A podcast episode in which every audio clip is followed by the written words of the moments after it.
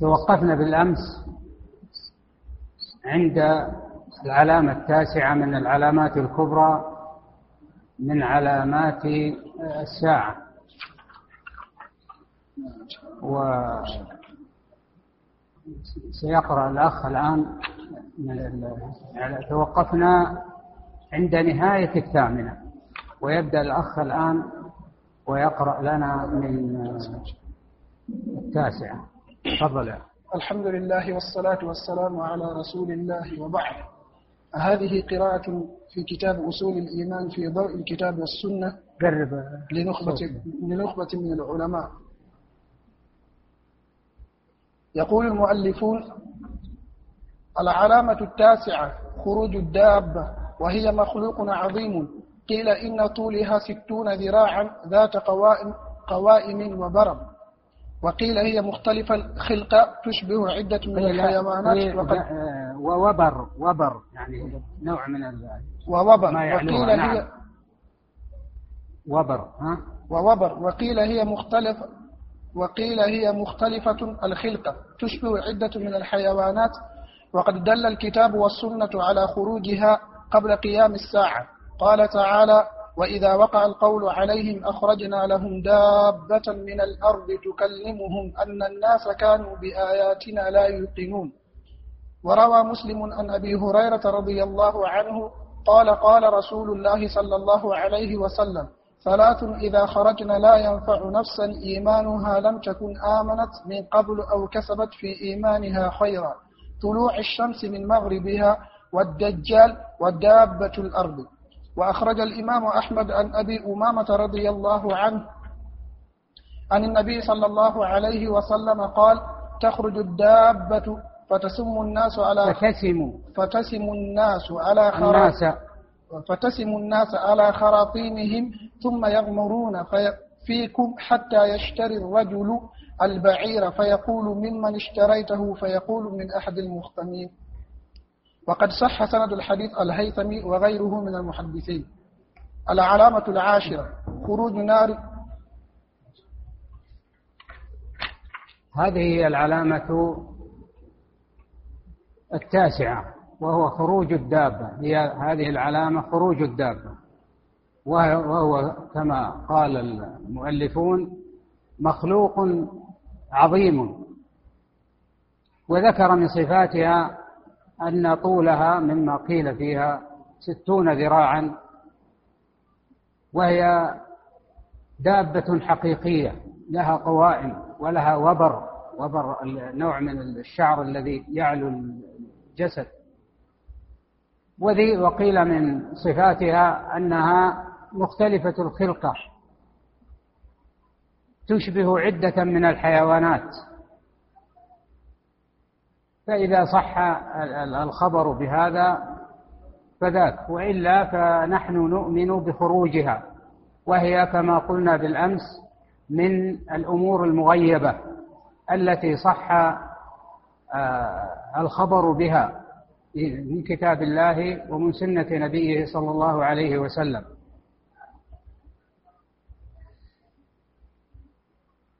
فمن القرآن هذه الآية التي قرأها الأخ وإذا وقع القول عليهم أخرجنا لهم دابة من الأرض تكلمهم أن الناس كانوا بآياتنا لا يوقنون. ومن فوائد هذه خروج هذه الدابة هي تثبيت المؤمنين على إيمانهم. وهي تسم الكافر يعني ويكتب يظهر على على على وجهه تكتب على يعني بكتابة واضحة أنه كافر. حتى يعني يستغرب الأمر في البداية ثم بعد ذلك يعتاد ولذلك قال في الحديث يغمرون أي يذهبون في وسط الناس ولا يعني يكون لهم ذاك الانتباه كما في البداية يعني شأن كل أمر جديد يكون له في البداية غرابة و, و ثم بعد ذلك يعني يعتاد عليه. حتى أن أحدهم يشتري البعير من هذا المخطوم هذا الموسوم فيقال له ممن اشتريته؟ يقول اشتريته من أحد المخطمين هذا المخطومين الموسومين يعني التي وسمتهم الدابة. يعني بعد مرور الزمن بعد مرور الزمن واختلاطهم بغيرهم فيقال إنه آه، يعني اشتراه من من آه، هؤلاء الذين وسمتهم الدابة. ثم من السنة قول النبي صلى الله عليه وسلم في حديث أبي هريرة وهو حديث صحيح رواه مسلم ثلاث إذا خرجنا لا ينفع نفسا إيمانها لم تكن آمنت من قبل أو كسبت في إيمانها خيرا. وذكر طلوع الشمس وتقدم بالأمس قلنا لماذا لا, ينفع الإيمان هنا؟ قلنا لأنه الإيمان أصبح اضطراريا لا اختياريا. فهو الآن يؤمن إيمان المشاهدة لا إيمان الغيب والذي ينفع والذي هو من سمة المؤمنين ومدحهم الله آه، بها بهذه السمة هي الإيمان بالغيب. لكنهم آه، إذا وقعت هذه لا ينفع لأنه الآن الأمر صار مشاهدا مضطر والإنسان مضطر للإيمان به ولا ولا مجال لإنكاره.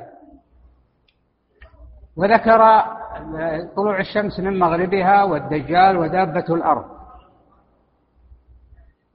وأخرج الإمام أحمد عن أبي أمامة رضي الله عنه عن النبي صلى الله عليه وسلم قال تخرج الدابة كما قلنا فتسم الناس على خراطيمهم أي على أنوفهم. ثم يغمرون فيكم حتى يشتري الرجل البعير فيقول ممن اشتريته؟ فيقول من أحد المخطمين أي الموسومين.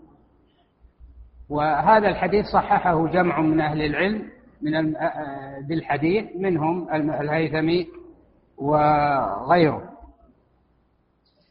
قال الإمام الشيخ ابن باز رحمه الله تعالى جاء في الحديث الصحيح عن رسول الله صلى الله عليه وسلم أنها دابة تخرج في آخر الزمان عند طلوع الشمس من مغربها قريب من طلوع الشمس من مغربها قبلها بقليل أو بعدها بقليل.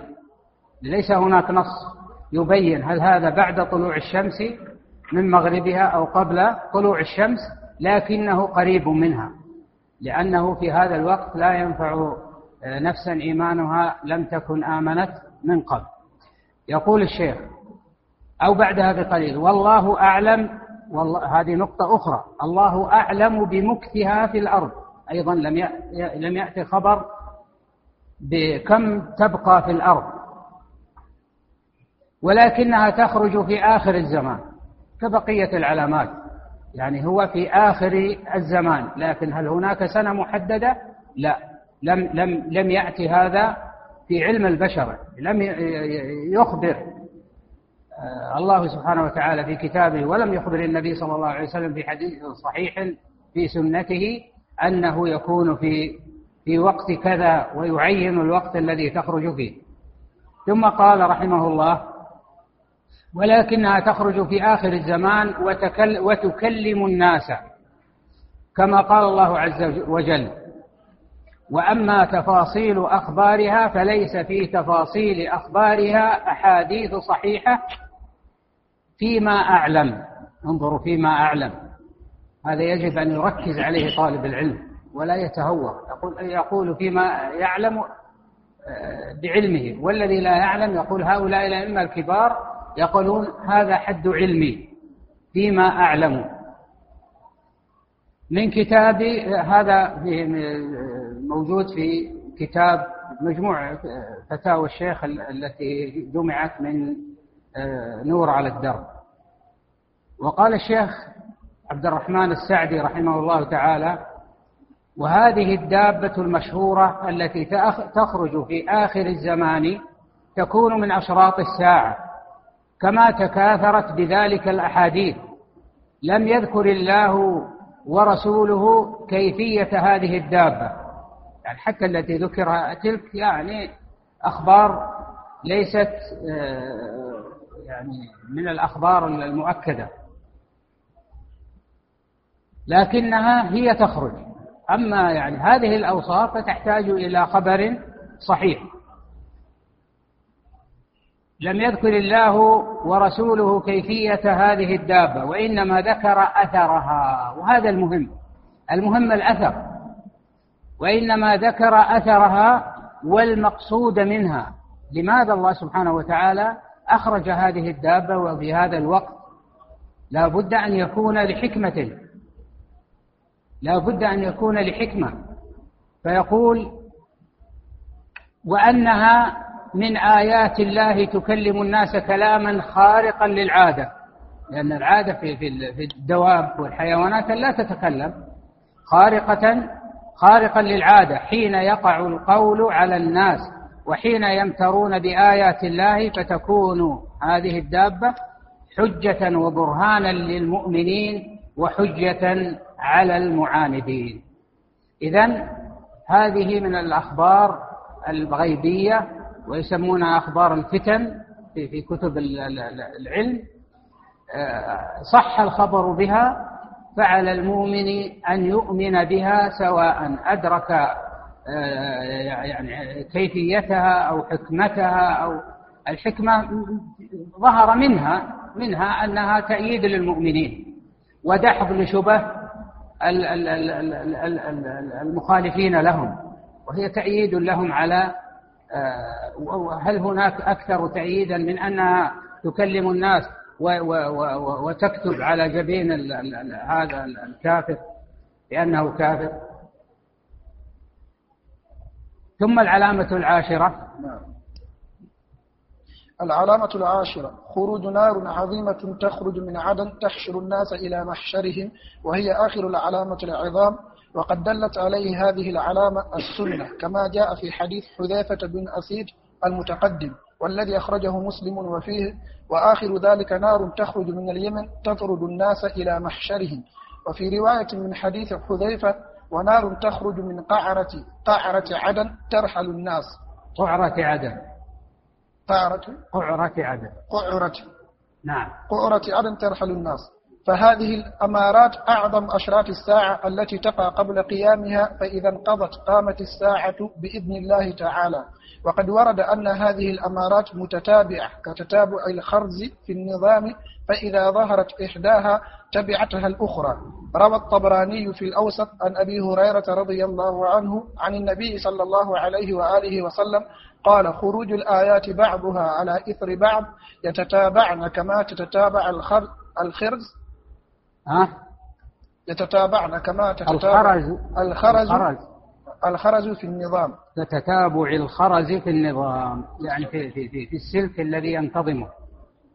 هذه آخر العلامات العشر وهي آخر علامات الساعة خروجا وظهورا وهي خروج نار عظيمة من عدن وهي المدينة المعروفة في, اليمن الآن وتسمى عدن أبين كما جاء في بعض الأحاديث.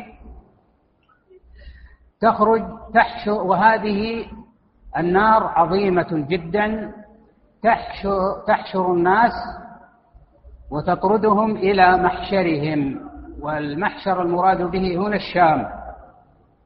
الشام. فهذه النار تخرج مع الناس. تبيت حيث باتوا وتقيل حيث قالوا. هذا من مواطن الامتحان للمؤمنين. يظهر فيه إيمان المؤمنين. الله سبحانه وتعالى جعل هذه النار فتنة. وهذه النار أخبر بخروجها النبي صلى الله عليه وسلم. الآن العقلانيون يقولون كيف تكون هذه؟ النار تخرج مع الناس وتبيت معهم وتقيل معهم. وورد أنها تأكل الذين لا إذا جاء وقت الرحيل لا يرحلون. وأوصاف فيها كثيرة. كيف؟ كيف؟ هذا مو معقول.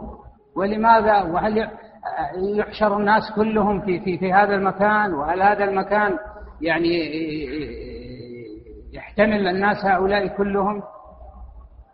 هذا قد صح به الخبر عن النبي صلى الله عليه وسلم. فالمؤمن يؤمن به ولا يرتاب فيه لأن النبي صلى الله عليه وسلم أخبر وهو الصادق صلى الله عليه وسلم.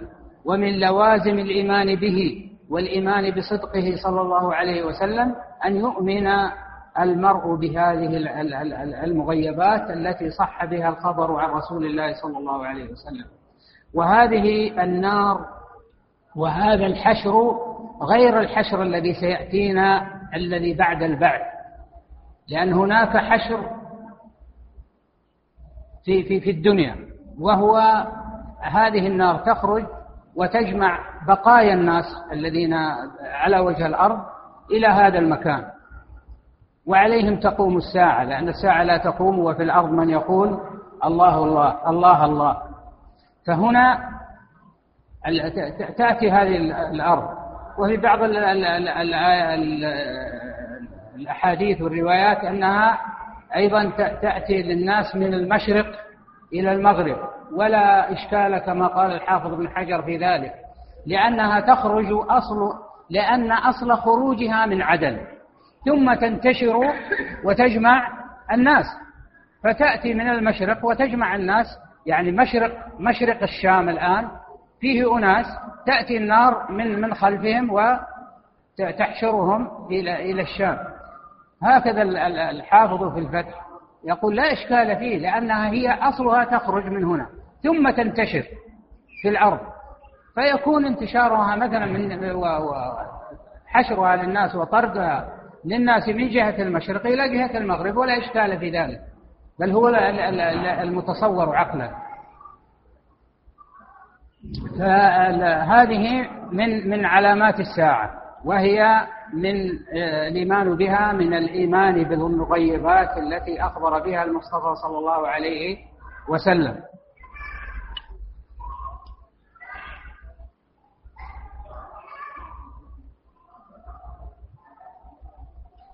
آه، قال ابن كثير رحمه الله تعالى في كتاب النهاية وهذه النار تسوق الموجودين في آخر الزمان يعني لا يأتي واحد يشوش يقول الأرض هذه لا لا لا تكفي. ثم حتى لو قيل فإن الله سبحانه وتعالى يعني على كل شيء قدير. في آخر الزمان من سائر أقطار الأرض إلى أرض الشام وهي بقعة المحشر والمنشر.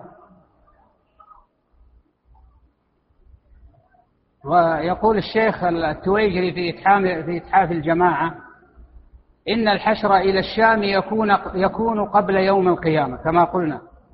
لأن هذا الحشر غير الحشر الذي يكون بعد البعث. للحساب هذا سيكون له مبحث خاص. تحشرهم النار يعني هذه النار من المشرق حتى تنتهي إلى أرض بصرى كما تقدم في حديث عمر رضي الله عنه وأرض الشام لا, لا تزال باقية على حالها إلى يوم القيامة. فأما تبديل الأرض فإنما يكون يوم القيامة. والناس إذ ذاك على الصراط كما ثبت ذلك في صحيح مسلم. فلا يشكل هذا بهذا والله تعالى أعلم. المبحث الثاني. المبحث الثاني نعيم القبر وعذابه. نعم, نعم. لو رفعت صوتك ولا قربت ال يقولون لا نسمع.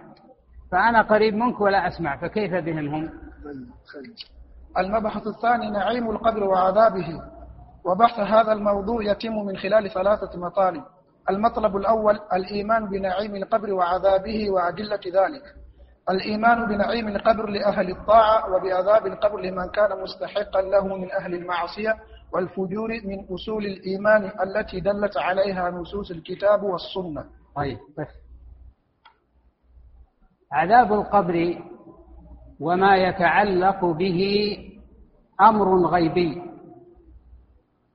يجب الإيمان به من غير تعرض للكيفية لأن الكيفيات مغيبة على الإنسان. ما لم يثبت بها نص فالمؤمنون يؤمنون به بوجود البعث بحصوله من غير تعرض للكيفية. لأن أحوال البرزخ من الأمور المغيبة التي لا يطلع على كيفيتها إلا الله. أحوال البرزخ البرزخ هو آه، يعني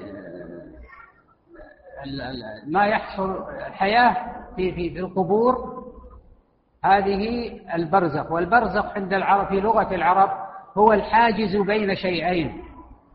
فالحياة الدنيا والحياة الآخرة بينهما برزخ أي حياة أخرى حاجزة بين الحياتين.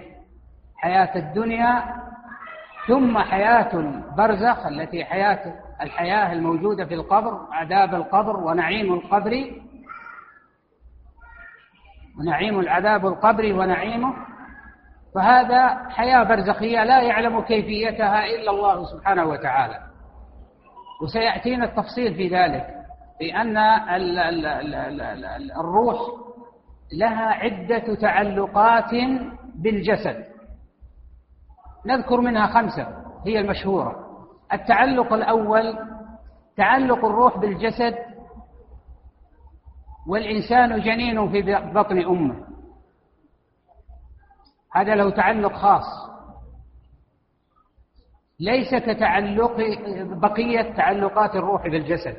التعلق الثاني تعلق الروح بالجسد في بعد الولادة في الحياة الدنيا. وهذا أكمل من الأول. ثم بعد ذلك هناك تعلق للروح بالجسد في البرزخ بعد الممات في القبور وهذه هذا التعلق من الأمور الغيبية التي لا يعلمها إلا الله هناك تعلق قبل الموت وهو تعلق الروح بالجسد أثناء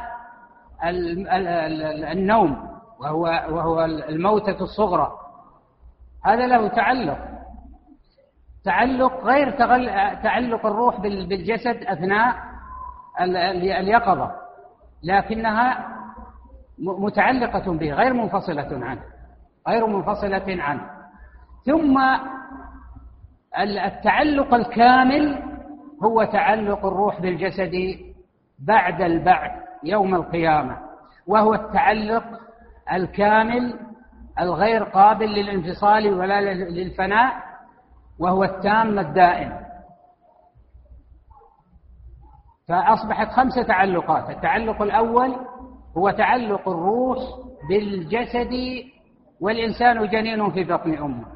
ثم للروح تعلق بالجسد بعد الولادة في الحياة الدنيا. وهذه المرحلة من مراحل حياة الإنسان.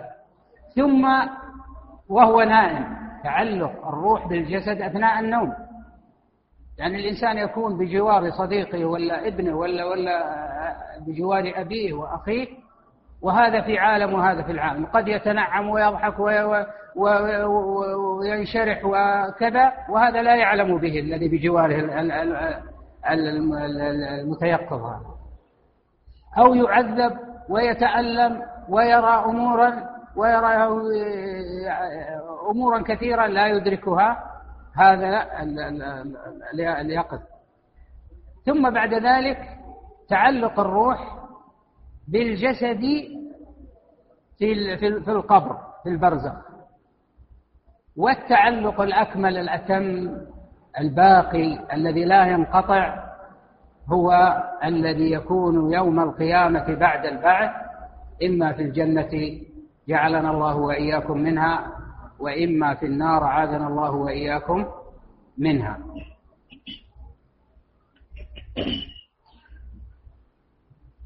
وأحوال القبر أيضا له ثلاثة أحوال. الناس في القبور لهم ثلاثة أحوال. فعذاب القبر وهذا يحصل للكفار ولمن شاء الله من العصاة الذين أراد الله أن يعذبهم من العصاة من شاء لأن هذا دائما العصاة يكون أمرهم تحت المشيئة تحت مشيئة الله سبحانه وتعالى. لكن الكفار الخلص هؤلاء مقطوع بعذابهم. فإذا الحالة الأولى هي حالة آه، عذاب القبر للكفار. ولمن شاء الله ممن من؟ العصاة. فتنة القبر وهذه تسبق. فتنة القبر وهذه وسيأتينا في يعني مبحث خاص وهو سؤال الملكين منكر والمنكر والنكير. وهذه فتنة القبر. وسيأتينا إن شاء الله بعد مباحث كيف أنه يأتي الميت إذا أدبر عنه أهله وإنه ليسمع قرع نعالهم فيقعدان تعود الروح إليه فيقعدان ثم يسأل تلك الأسئلة العظيمة. نسأل الله سبحانه وتعالى أن يثبتنا بالقول الثابت في الحياة الدنيا وفي الآخرة. الحالة الثالثة من من أحوال القبور آه، هي نعيم القبر ويكون لمن؟ للموحدين والمؤمنين في قبورهم كما جاء به الخبر وسيأتي أنه إذا إذا أجاب الإجابات الصحيحة أنه يفتح له باب إلى النار أولا ثم يقال له هذا مكانك هذا مكانك لو عصيت الله سبحانه وتعالى. ثم يغلق عنه ولله الحمد هذا الباب. ثم يفتح له باب إلى الجنة فيقال له أما وقد أطعت الله؟ أما وقد أطعت الله؟ فهذا منزلك من الجنة فيأتيه من روحها ونعيمها ويوسع له في مد بصره وهذه لا لا يدركها العقلانيون. يقول نحن تركناه في حفرة صغيرة ومضايق باللبن. وكيف؟ ولو فتحنا القبر مرة ثانية لوجدناه كما تركناه. كيف؟ يوسع له مد بصره. هؤلاء أنا قلت في في الجلسة الماضية أن إدراك الإنسان له حدود. له حدود. بعضه لا لا يدرك هذه الأشياء. الآن لو جيت لأحد الأقدمين وقلت له يعني قبل مئة سنة أو أكثر من مئة سنة يعني مئتين أو ثلاثمائة سنة وقلت له ستأتي سيطير الناس على مركب هم يعرفون أن المركب ناقة تحمل اثنين أو ثلاثة على الكثير لكن لو قلت لهم سيكون هناك مركب يطير بساط الريح يطير في ذا يحمل أكثر من 300 شخص هل هل يدركون هذا؟ لكن نحن الآن نرى الأطفال الأطفال الصغار يرونه أمرا عاديا فالأمور المغيبة العلماء يقولون يعني أن الإنسان لو لم, لو لم يرى هذه الزواحف الحية تزحف على بطنها وتمشي على بطنها ما صدق أن أن, أن, أن يعني الناس يحشرون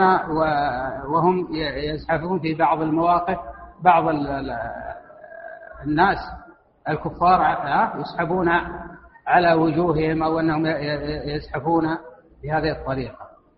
لكن عندما رأى هذه صدق. الناس يعني جاء أن نار الآخرة ها نار الدنيا جزء من كم؟ ها من سبعين جزءا من نار جهنم. كيف؟ هم يعرفون أن العرب أول الناس كلها. تعرف من النار ما يوقد من الأخشاب وهذا. لكن الآن عندما نرى الجبال تسيح في البراكين تنصهر. ها؟ فماذا يقولون؟ يعني أصبح الأمر المشاهد أمر يعني عاديا. فنحن نقول هذه الأمور الغيبية يكفينا نحن المؤمنين أن رسول الله صلى الله عليه وسلم قد أخبر بها وهو الصادق صلى الله عليه وسلم في كل ما أخبر به. وهذا هو سمة المؤمن الإيمان بالمغيبات ولن نمل من تكرير هذه الكلمة. لن نمل في كل مناسبة سنذكر أن هذه سمة المؤمنين وصفتهم أنهم يؤمنون بالغيب. ولا يضرنا ولا نستحي من ذلك ولا يضرنا هؤلاء الذين حكموا عقولهم في كل شيء. حتى أنهم يكذبون اليوم ما يفرضون تصديقه غدا إذا إذا شاهدوه. لماذا؟ لأن بالأمس العقول ما ما ما أدركته لكن عندما صار محسوسا صدقوا به. أنكر قوم من الضلال نعيم القبر وعذاب القبر. وشبهتهم أنها لم تثبت بالعقل. أنا لهذا ركزت في الأول. هم يقولون لم يثبت بالعقل. نحن نقول كذا نحن نرى وندفن واحد بجوار واحد ولذلك يقول شيخ الإسلام ابن تيمية أنه قد يدفن اثنان في قبر واحد. واحد يكون منعما والآخر يكون معذبا وهذه قدرة الله. هذه قدرة الله. الآن في في في عرض البحر ويعرفها البحارة قديما تجد ماء عذبا في وسط لجة البحر المالح. كالعين كالنافورة. يأتون ويذهبون إليه ويشربون بها.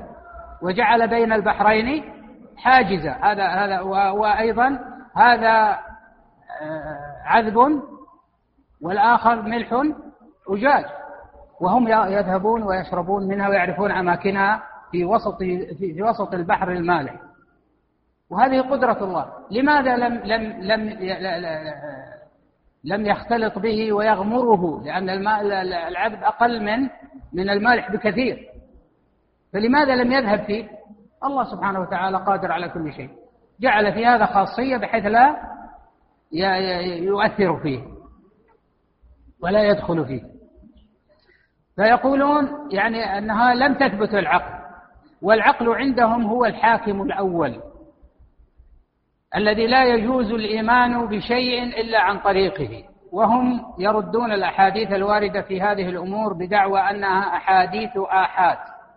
وهذه كلمة أحاديث آحاد يعني أدخلوها في العقيدة وأدخلوها في حديث صحيح في صحيح البخاري أو في صحيح مسلم يقول هذا خبر آحاد. لا أستدل به في العقيدة. لماذا؟ هو خبر أحد. يجوز أن يكون صحيح ويجوز أن يكون غير صحيح وتأتيك الأوهام و... طيب. ولو سلمت لهم وأتيت للمتواتر متواتر ولو كان في كتاب الله لقالوا لا هذا صحيح. هذا قطعي المتواتر قطعي الثبوت لكنه ظني الدلالة. انظر كيف لعب بهم الشيطان. يعني هم ما تركهم. حتى الذي أحالوا إليه وقالوا بأن نحن لا نستدل إلا بقطعي الثبوت وهو المتواتر. إذا جئت للاستدلال بالمتواتر قالوا هذا صحيح. هو قطعي الثبوت لكنه ظني الدلالة. بدليل أنك أنت تفهم منه كذا وفلان المعتزلي ها يفهم منه كذا. فلم يستدلوا لا بمتواتر ولا بأحد إلا على ما وافق هواهم وعقولهم. فجاءوا هنا وركبوا هذه المطية الفاشلة الظالمة فقالوا هذه أخبار آحاد لا لا نثبت بها أمرا غيبيا ولا عقيدة فنحن غير ملزمين بدلالتها إذا ماذا تعملون؟ قالوا نؤولها. قالوا في اليد القدرة. ها؟ وفي الغضب إرادة الانتقام. والرحمة إرادة النعمة. وهكذا. فيأتون ويؤولون. فلذلك قالوا هذه يعني ظنية الدلالة وإن كانت قطعية الثبوت. فيؤولونها بما يصرفها عن معانيها ولذلك لا استدلوا بآحاد ولا استدلوا بما أض... موهوا على الناس بأنهم يقبلونه من المتواتر. والإجابة عن هذه من عدة وجوه. منها أن هذه الأمور أولا عند المؤمنين ثبتت بالخبر الصادق عن المصطفى صلى الله عليه وسلم بل وعن من القرآن الكريم. وواجب المسلم التصديق بها وإثباتها وبهذا يتميز المؤمنون بالغيب المهتدون بهدي رسول الله صلى الله عليه وسلم. ثانيا أن للآخرة إذا أردت أن تقيس الدنيا بالآخرة أن للآخرة أحكاما تخص تختص بها. لا تقاس على أحوال الدنيا. ولذا نحن لا نشعر بما يكون للميت. وقدرة الله سبحانه وتعالى أعظم وأوسع. وقد اقتضت حكمته جل وعز أن لا يشاهد ذلك أن لا يشاهد ذلك الناس. ولا يسمعوه لأن طاقتهم لا تحتمله كما تقدم معنا وخشية ألا ألا يتدافنوا كما جاء في الحديث. وليتميز هذا المهم المؤمن عن غيره من غير المؤمنين. أن الإنسان يعني أمر آخر أن الإنسان لا يدرك كل شيء. فكان جبريل عليه السلام ينزل على النبي صلى الله عليه وسلم ويكلمه ومن عنده لا يراه. من حول النبي صلى الله عليه وسلم لا يراه ولا يسمعه. وكل شيء حولنا الآن كل شيء كما في القرآن الكريم يسبح بحمد الله. ولكننا لا نفقه تسبيح تسبيحه. لكن لا نفقه ولا نسمع تسبيحه. وهكذا. أمور كثيرة منها ما تقدم بحال النائم مثلا. هو لا يحس من حوله من حوله لا يحس بما هو فيه من من من أحوال.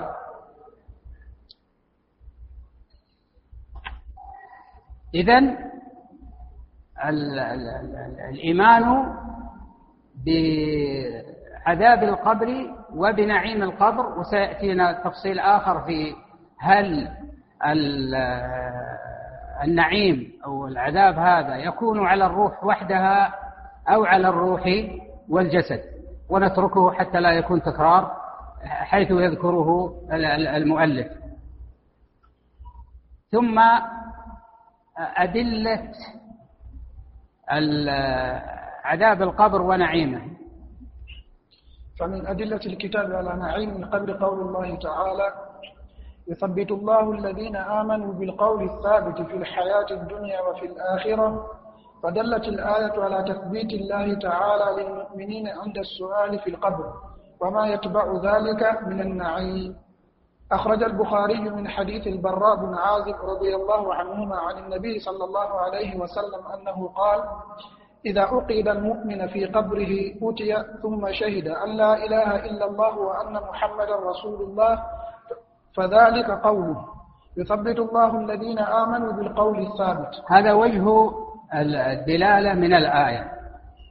يعني هذا الحديث وهو حديث صحيح يقول بعد أن ذكر آه، وهو في صحيح البخاري آه، قال إذا أقعد المؤمن في قبره أتي يعني جيء جاءه الملكان.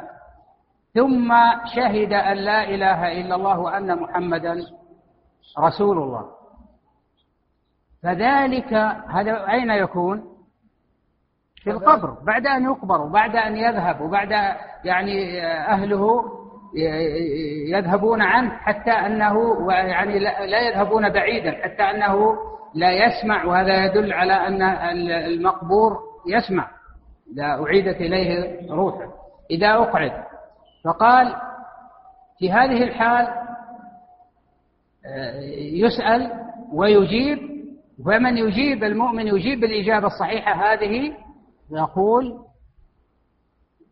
من الذي يقول هذا؟ النبي صلى الله عليه وسلم يثبت الله الذين آمنوا بالقول الثابت.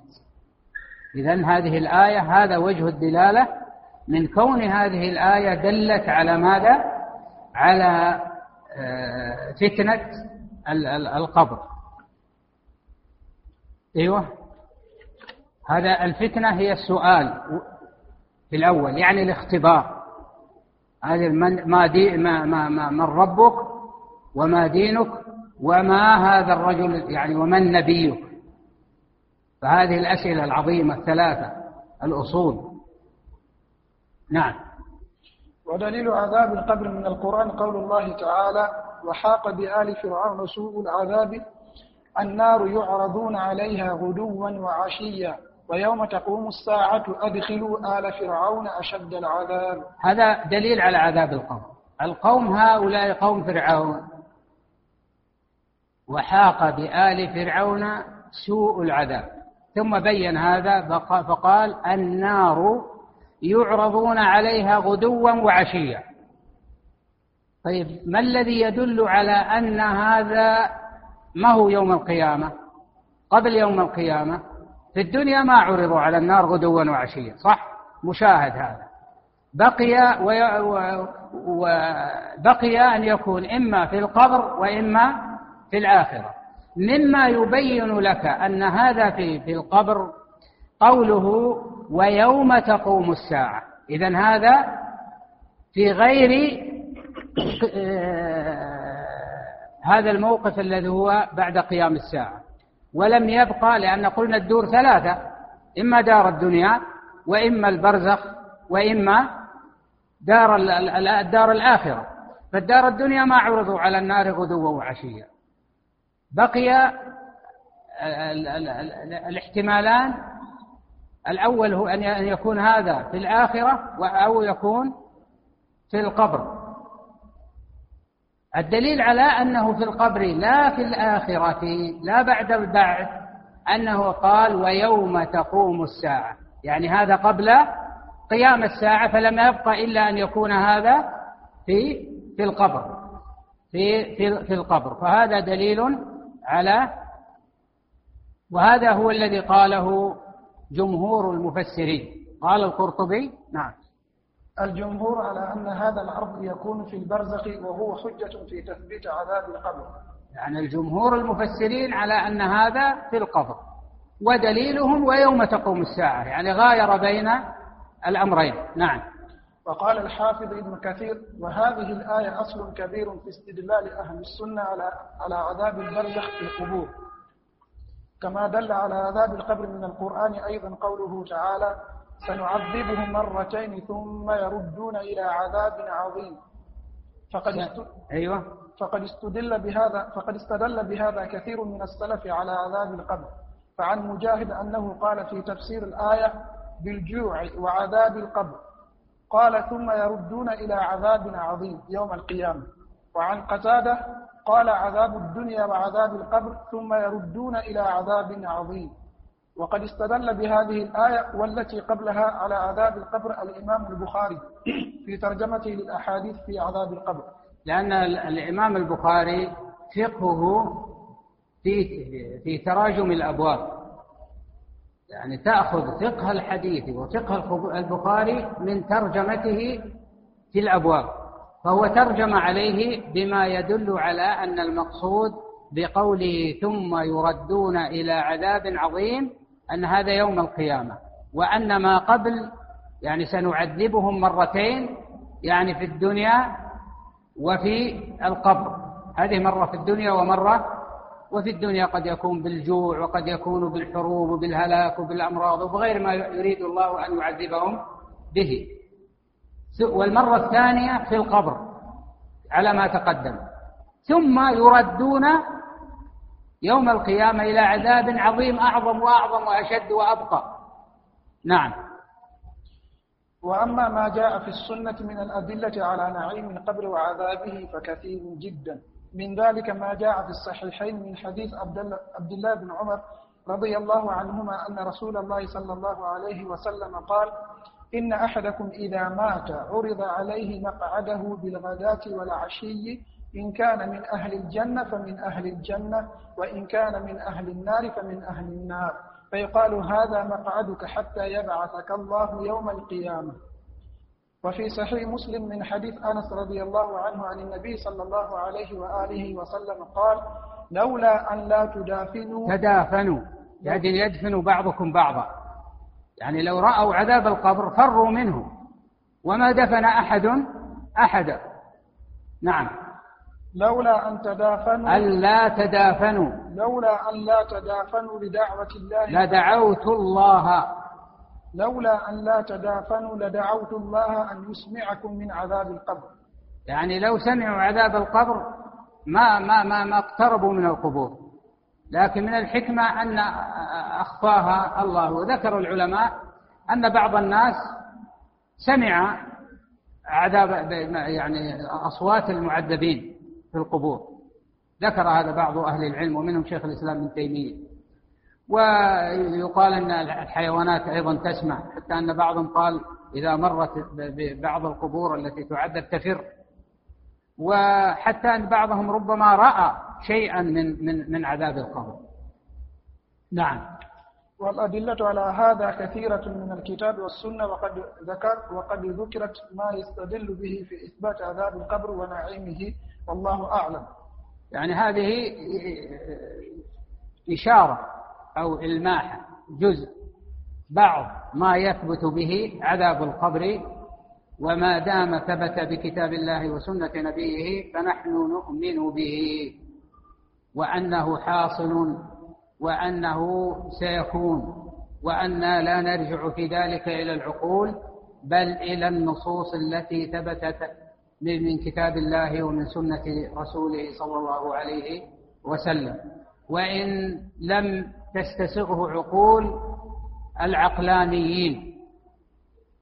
وإن لم تستسغه. فنحن عندنا المستمسك الذي لا يضل من تمسك به وهو كتاب الله وسنة رسول الله صلى الله عليه وسلم. طيب. المطلب الثاني؟ المطلب الثاني وقوع نعيم القبر وعذابه على الروح والجسد معا. نعيم القبر وعذابه يكون للروح عذابه. نعيم القبر وعذابه يكون للروح والبدن جميعا.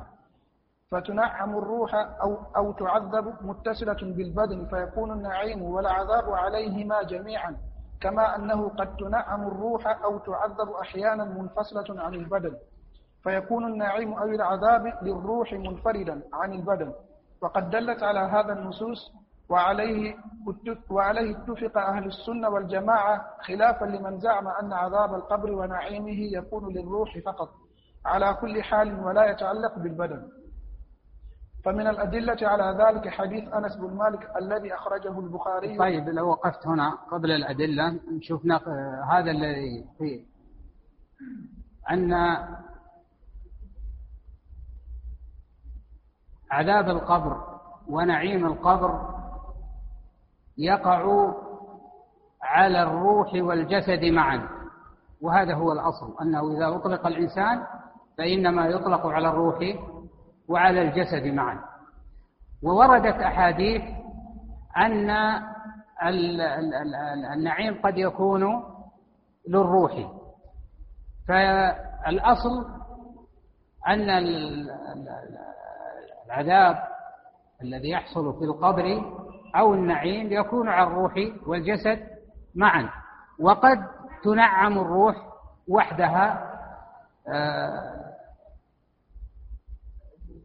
كما في ورد في آه، أرواح الشهداء أنها تكون في في في حواصل طير خضر تعلق من من في أشجار أو من أشجار الجنة وهكذا. ويمكن أن نقول كما قلنا في الأول التنعم والعذاب والتعذيب له ثلاثة ثلاث له ثلاثة أقسام. فالقسم الأول في الحياة الدنيا وهذا يكون النعيم أو التنعم أو التعذيب يكون للجسد والروح تبع له. يكون للجسد هذا في الدنيا. الأصل فيه أنه يقع على على الجسد والروح تبع له. وقد يعني يحصل للنفس ويتأذى بها الجسد. كالهم الشديد والغيظ وغير ذلك ويتأذى به الجسد. لكن الأصل فيه أنه يقع على الجسد وعلى والروح تكون تبعا له. وأما في القبر يعني انظروا الآن الدنيا أكثرها يعني على الماديات. ها؟ فيكون التعذيب والتنعم كذا للجسد والروح تبع. تتنعم بما يتنعم به الجسد وتتأذى بما يتأذى به الجسد. أما في البرزخ فالنعيم والعذاب للروح والجسد تبع له. والجسد تبع له. البدن. وأحيانا يكون على الروح وحدها كما دلت عليه النصوص وكما قلنا سابقا. الثالث القسم الثالث وهو الأتم والأكمل التنعم والتعذيب بعد قيام الساعة. وهذا يكون آه، على البدن والروح جميعا. وهذا يكون على البدن وعلى الروح وعلى الروح جميعا. هذا الذي ذكره أهل العلم. فإذا النعيم له ثلاثة أقسام. إما على الروح إما على الجسد خلينا نبدأ بداية يعني تاريخية. إما على الجسد البدن والروح تكون تبع هذا في الدنيا. في القبر عكسه النعيم والعذاب يكون على على الروح والجسد تبع له. في الآخرة يكون على الاثنين معا على الروح والجسد معا.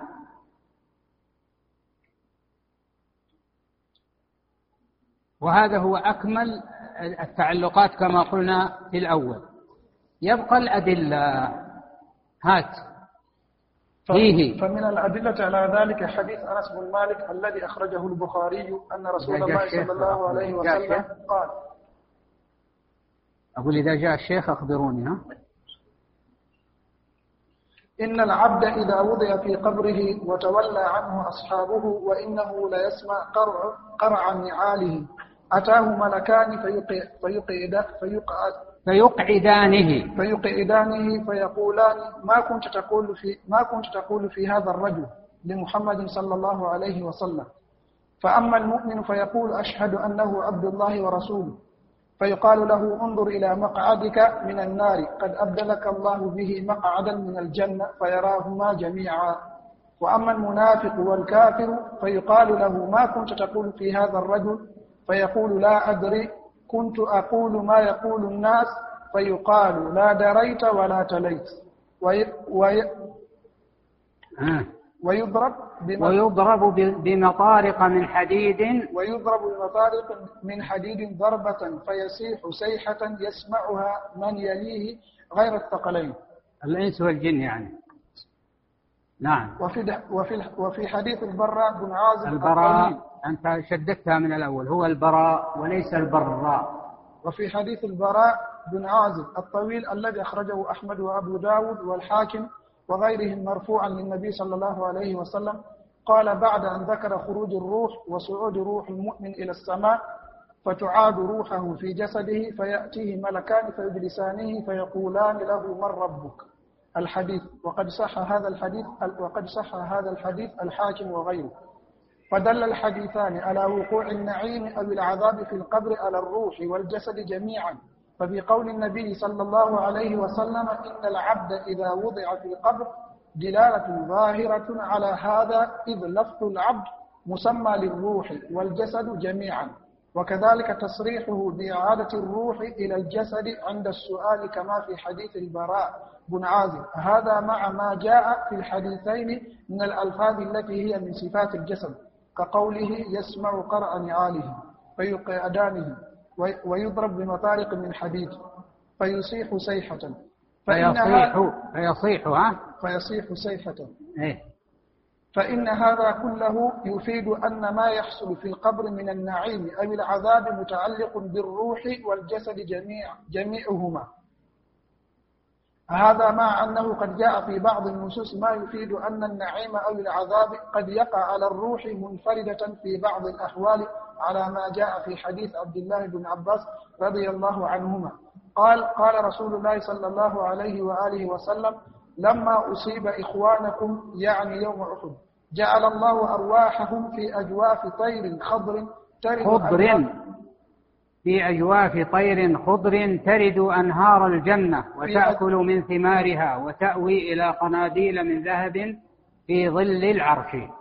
في أجواف طير خضر ترد أنهار الجنة وتأكل من ثمارها وتأوي إلى قناديل من ذهب في ظل العرش. وهذا نص لأنه قال جعل الله أرواحهم. جعل الله أرواحهم في أجواف طير خضر. ففي هذه الحالة يكون النعيم واقع للروح. وإن كان هناك نوع اتصال بين الروح والجسد فالله تعالى أعلم به. نعم. فتلخص من هذا كما يقولون فتلخص من هذا أن النعيم والعذاب يقع على الروح والجسد جميعا. هذه إعادة للذي قلناه أولا. في القبر وقد تنفرد الروح في بعض الأحوال كما في هذه أرواح الشهداء. قال بعض الأئمة المحققين في السنة في تقرير هذه المسألة والعذاب والنعيم على النفس والبدن جميعا باتفاق أهل السنة والجماعة. ويكفينا أن نكون منهم إن شاء الله.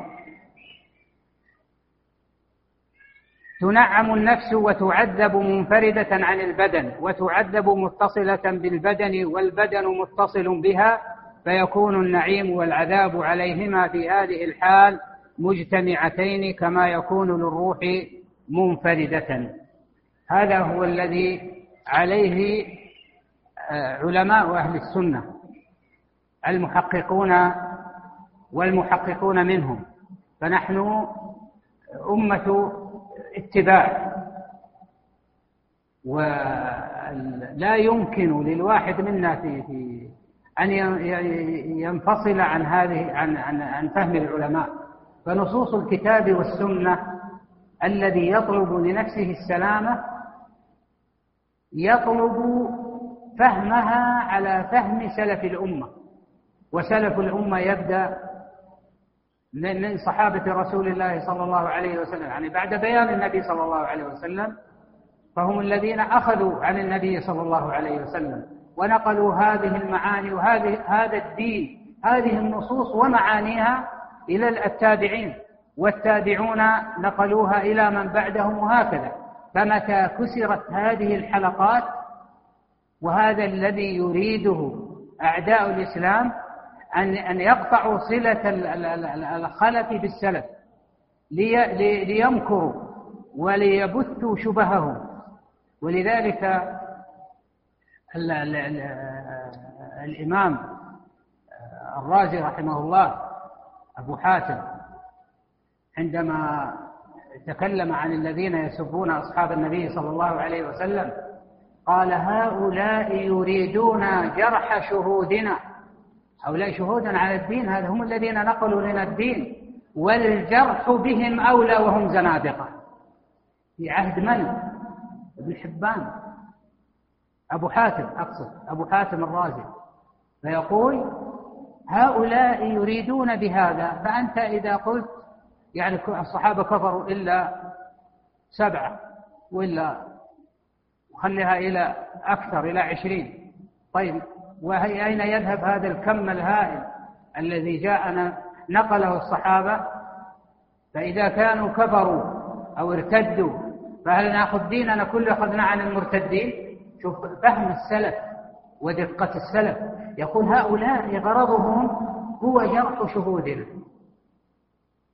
وهم بالجرح أولى وهم زنادقة. وهم زنادقة. صدق رحمه الله تعالى. هؤلاء الذين ذبوا عن هذا الدين هؤلاء هم الذين يحبون رسول الله صلى الله عليه وسلم حقا. دافعوا عن سنته حملوها بينوها أوضحوها نقلوها إلى من بعدهم.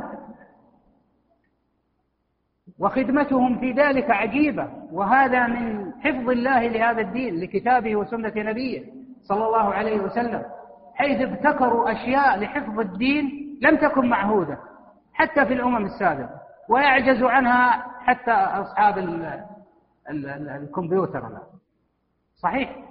هؤلاء يقول يأتي واحد ويقول حديث يقول هذا لا ينبغي أن يكون هذا هذا الكلام لا يخرج من مشكاة النبوة. لأنه عرف الآن أصبح عنده ذوق فيبحثون ويجدون فيه كذابا. بل ربما أقر أحدهم أنه وضعه. فتكون عندهم ملكة. هؤلاء نظروا في الأسانيد في الرجال. حتى قال قائلهم إن هذا الأمر دين. يعني معرفة الرجال. فانظروا عمن تأخذون دينكم. انتبهوا. لا يؤخذ الدين عن عن الكذابين وعن أصحاب الأهواء وعن أصحاب الأغراض ما جاء الشيخ فانظروا عمن تأخذون دينكم. هذا يقول في في في علم الرجال. علم الرجال كتاب البخاري في التاريخ عندما كتبه وذهب به أحدهم للخليفة قال ألا أريك سحرا؟ انظر هذا السحر. شيء عجيب. ما ما كان مألوفا هذا الأمر. ما كان مألوفا عندهم. فأحاطوا سنة النبي صلى الله عليه وسلم بتوفيق الله سبحانه وتعالى بهذه الاحتياطات العجيبة التي ابتكرها علماء الحديث. بذلوا في ذلك أرواحهم. مشى بعضهم في الصحراء يحمل أوراقه وكتبه على الجوع والعطش ويمشي في الرمضاء حتى بال الدم. وقطعت جهيزة قول كل خطيب يوم هذا؟ ها؟